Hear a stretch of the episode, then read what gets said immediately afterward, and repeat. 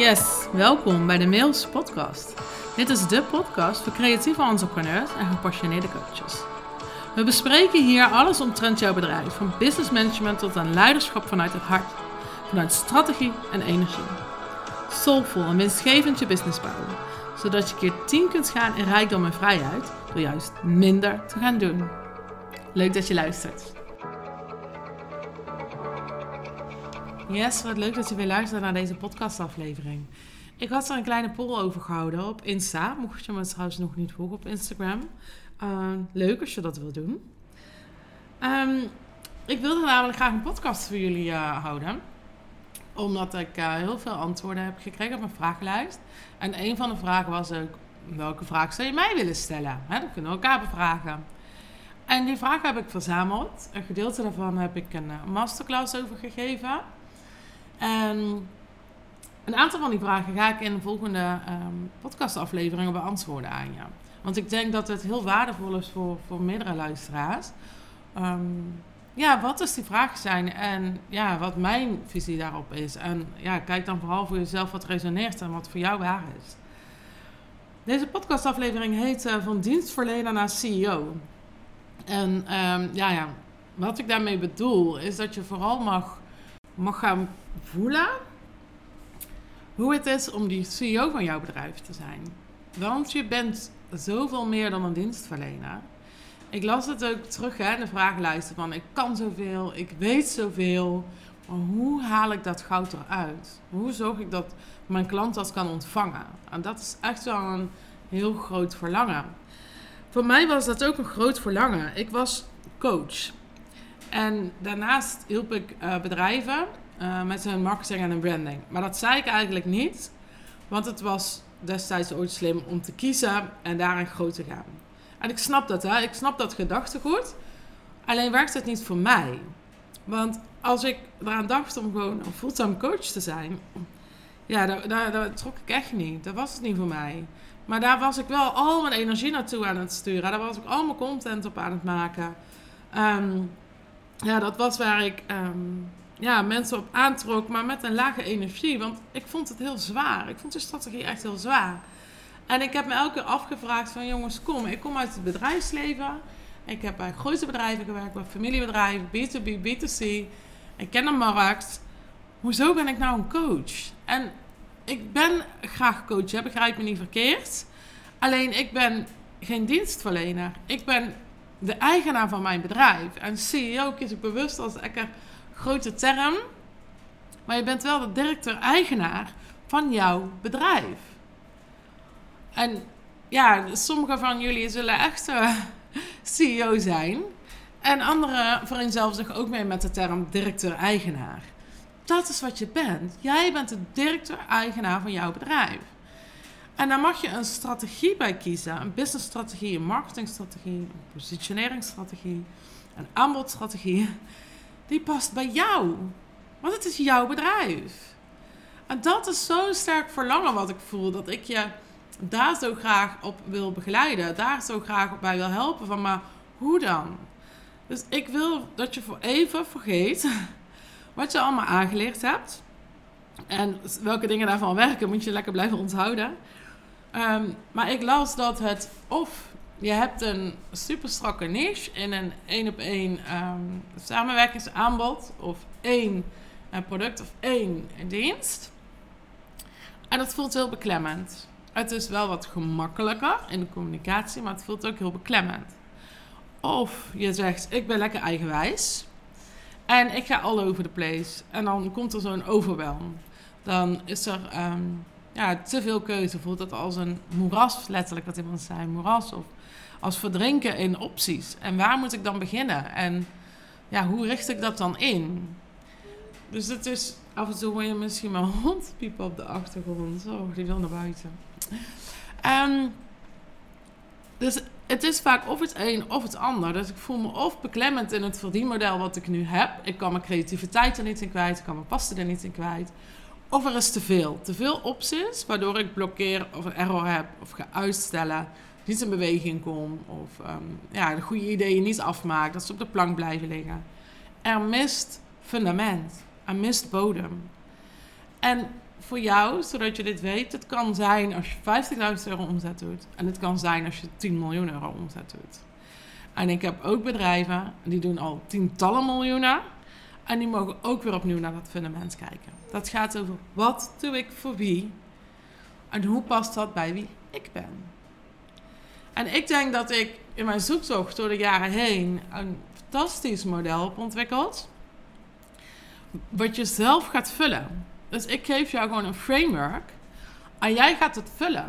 En dat is dus ook wat we letterlijk gaan doen in Icon. Dat is echt zo leuk. Ik geef je alle losse ingrediënten en ik geef je een framework. En samen gaan we hem designen. Zodat het op maat gemaakt is voor jou.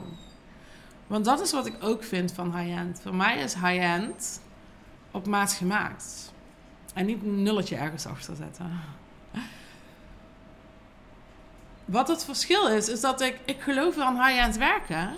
Alleen ik denk dus dat dat in een andere strategie mag, een ander jasje mag. Ja, en dat is waar, waar Icon over gaat. Toen ik jullie dus vroeg om Icon, kwamen er een aantal vragen naar boven. Nou, die ga ik, eh, die ga ik nu met je doornemen. Dat zal een drieluik worden. Dus ik beantwoord er nu een paar en de volgende keer, nou, een keer erop. Ehm, denk je nou van, hé, hey, dat Icon klinkt wel interessant, want ik wil ook die directeur-eigenaar van mijn business zijn. En niet een dienstverlener die een niche kiest. Nou, laat me even weten. Stuur een DM. Ehm, want we starten op 12 december, dus je hebt ook nog even tijd. En we doen het wel rustig. We doen drie sessies voor de, voor de kerst. En twee of drie in januari. Ik kijk even ehm, wat de groep nodig heeft. Welke vragen dan ook ontstaan. En, weet je, het is een pilot. Dus ik denk dat het vijf uh, sessies gaan zijn, maar misschien worden het er wel zes. Het is ja, fijn om dat ook gewoon in het moment te mogen bekijken. Um, ja, het is super tof om daar met elkaar aan de slag te gaan. Om dat voor langer te proeven van... hé, hey, maar ik ga die controle nemen. Ik ben niet directeur-eigenaar van mijn bedrijf. Oké, wat waren vragen?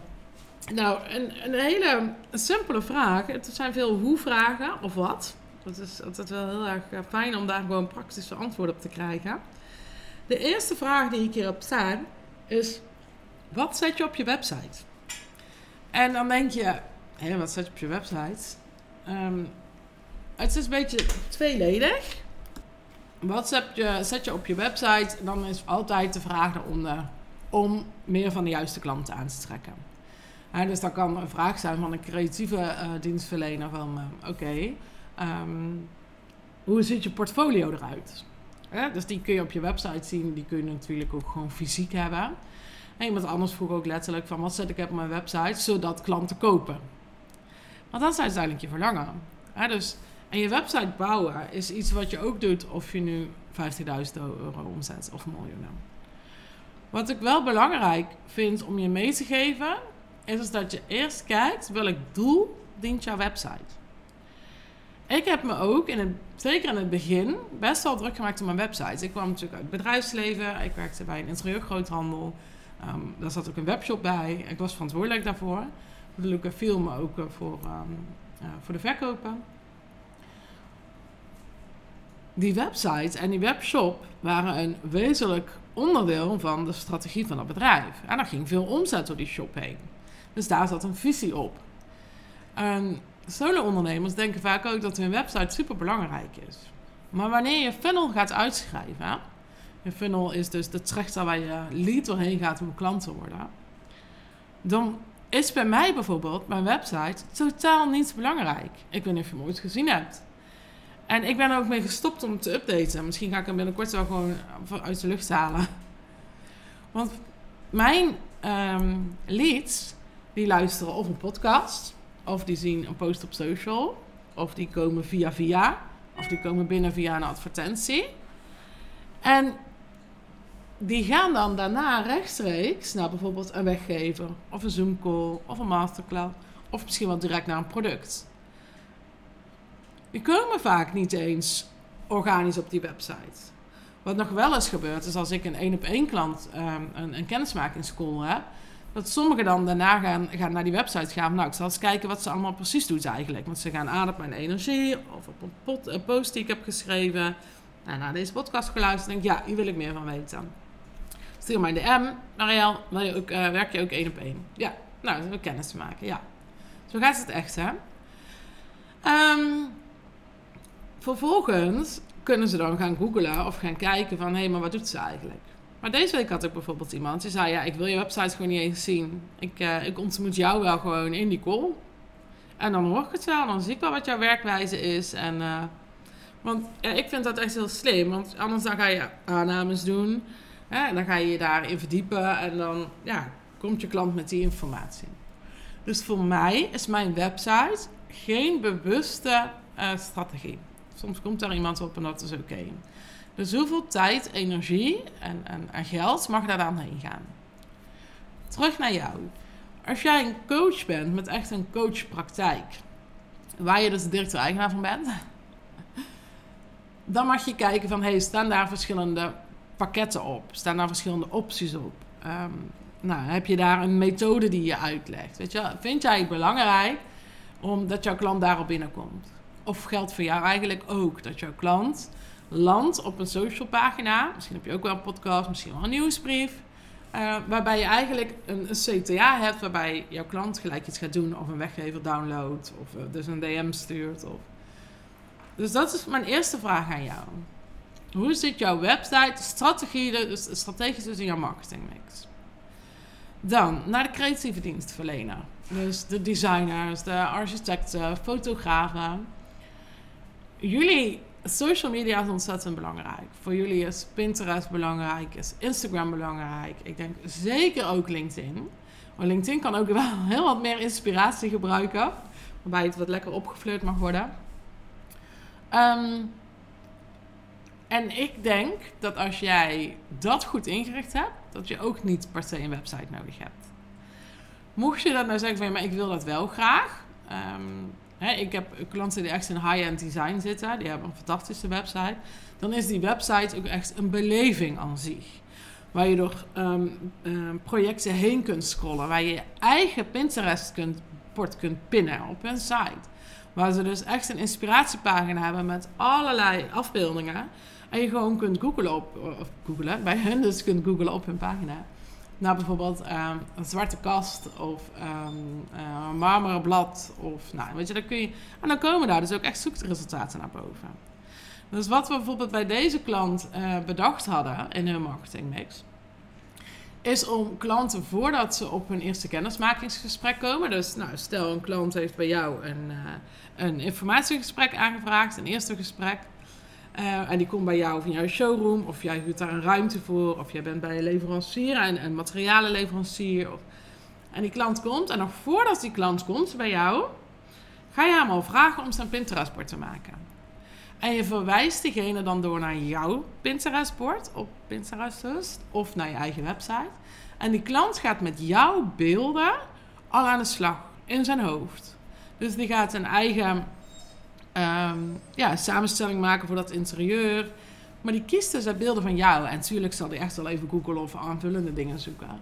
Maar wat er gebeurt in de tussentijd, is dat die klant uh, um, zelf de verkoop al aan het doen is. Hij heeft al gekozen voor jou zonder dat je iets hebt hoeven doen. Want hij gaat met jouw materiaal, met jouw ideeën, gaat hij zijn ruimte inrichten. En vervolgens komt hij op de eerste afspraak bij jou met: Dit is wat ik graag zou willen. Nou, en, en dan denk je, ja, dat is mooi, want dat heb ik al een keer gemaakt. Of ik weet precies waar het materiaal vandaan komt. En dan zit je al helemaal in die goede energie. Dus kijk echt naar hoe belangrijk is die website voor jou. Nou, ik hoop dat dit helpend is voor je. Dat je daar, uh, dat je daar wat mee kan.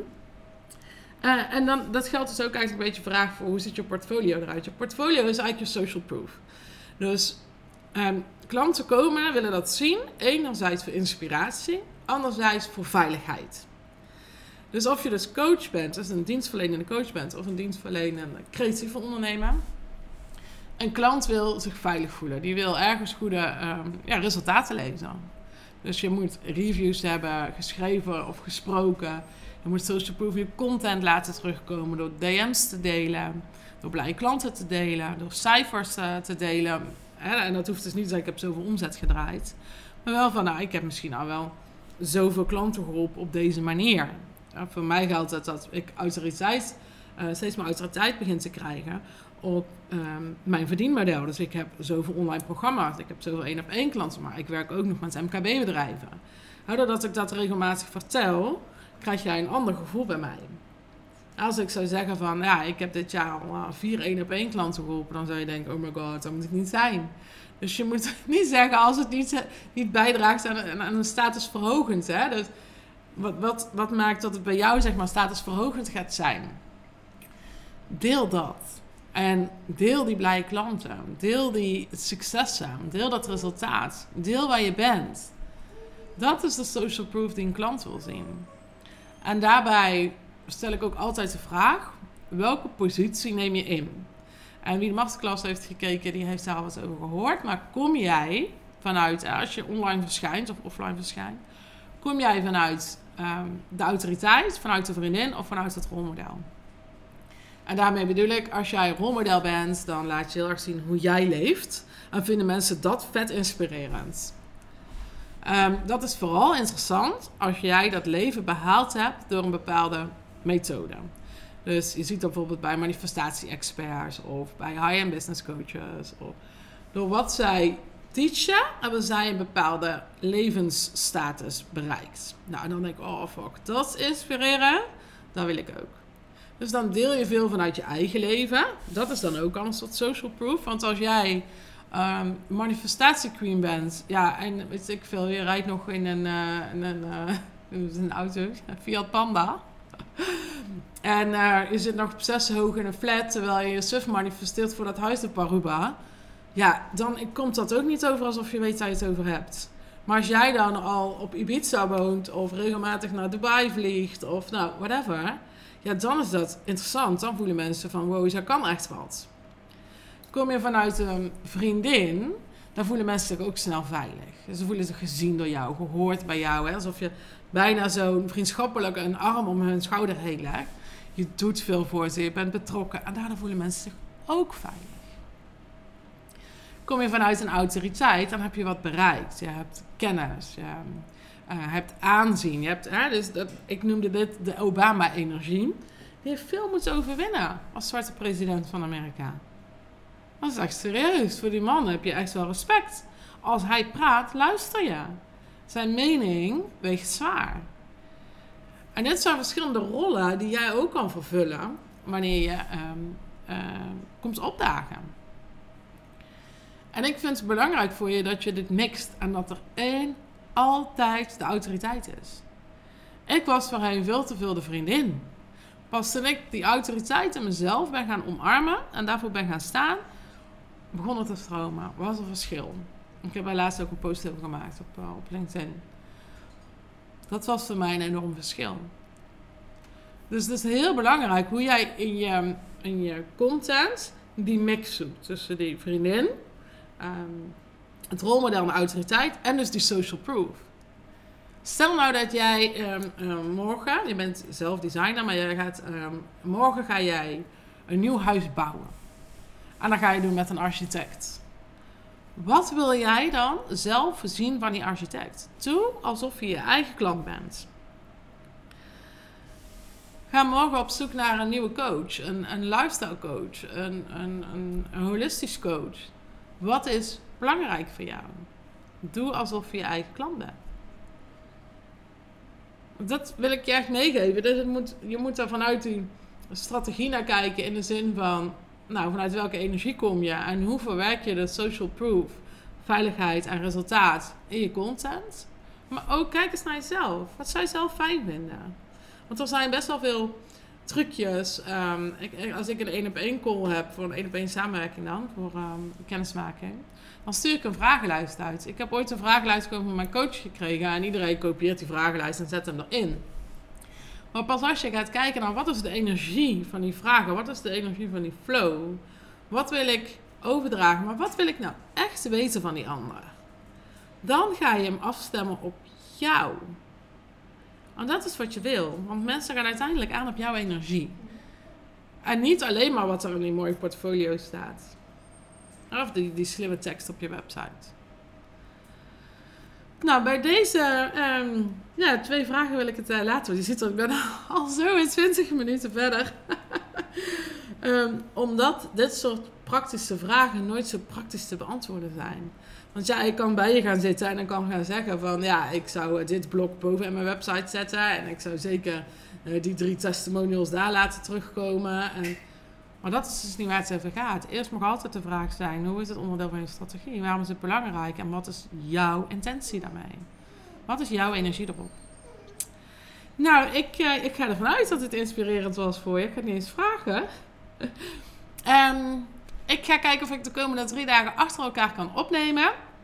Zodat er uh, um, echt een drie luik achter elkaar online komt. Um, de shift dus van dienstverlener naar CEO. Zodat jij de directeur-eigenaar bent van je business. Wil je meeweten op Icon? Stuur me even een DM. Um, ik probeer altijd al een leuk woord te verzinnen, maar stuur maar een zak met geld via DM. Die emoticon. En dan, um, ja, dan vertel ik je er graag meer over. Ik wens je nog een hele fijne dag, nacht of avond. En tot de volgende!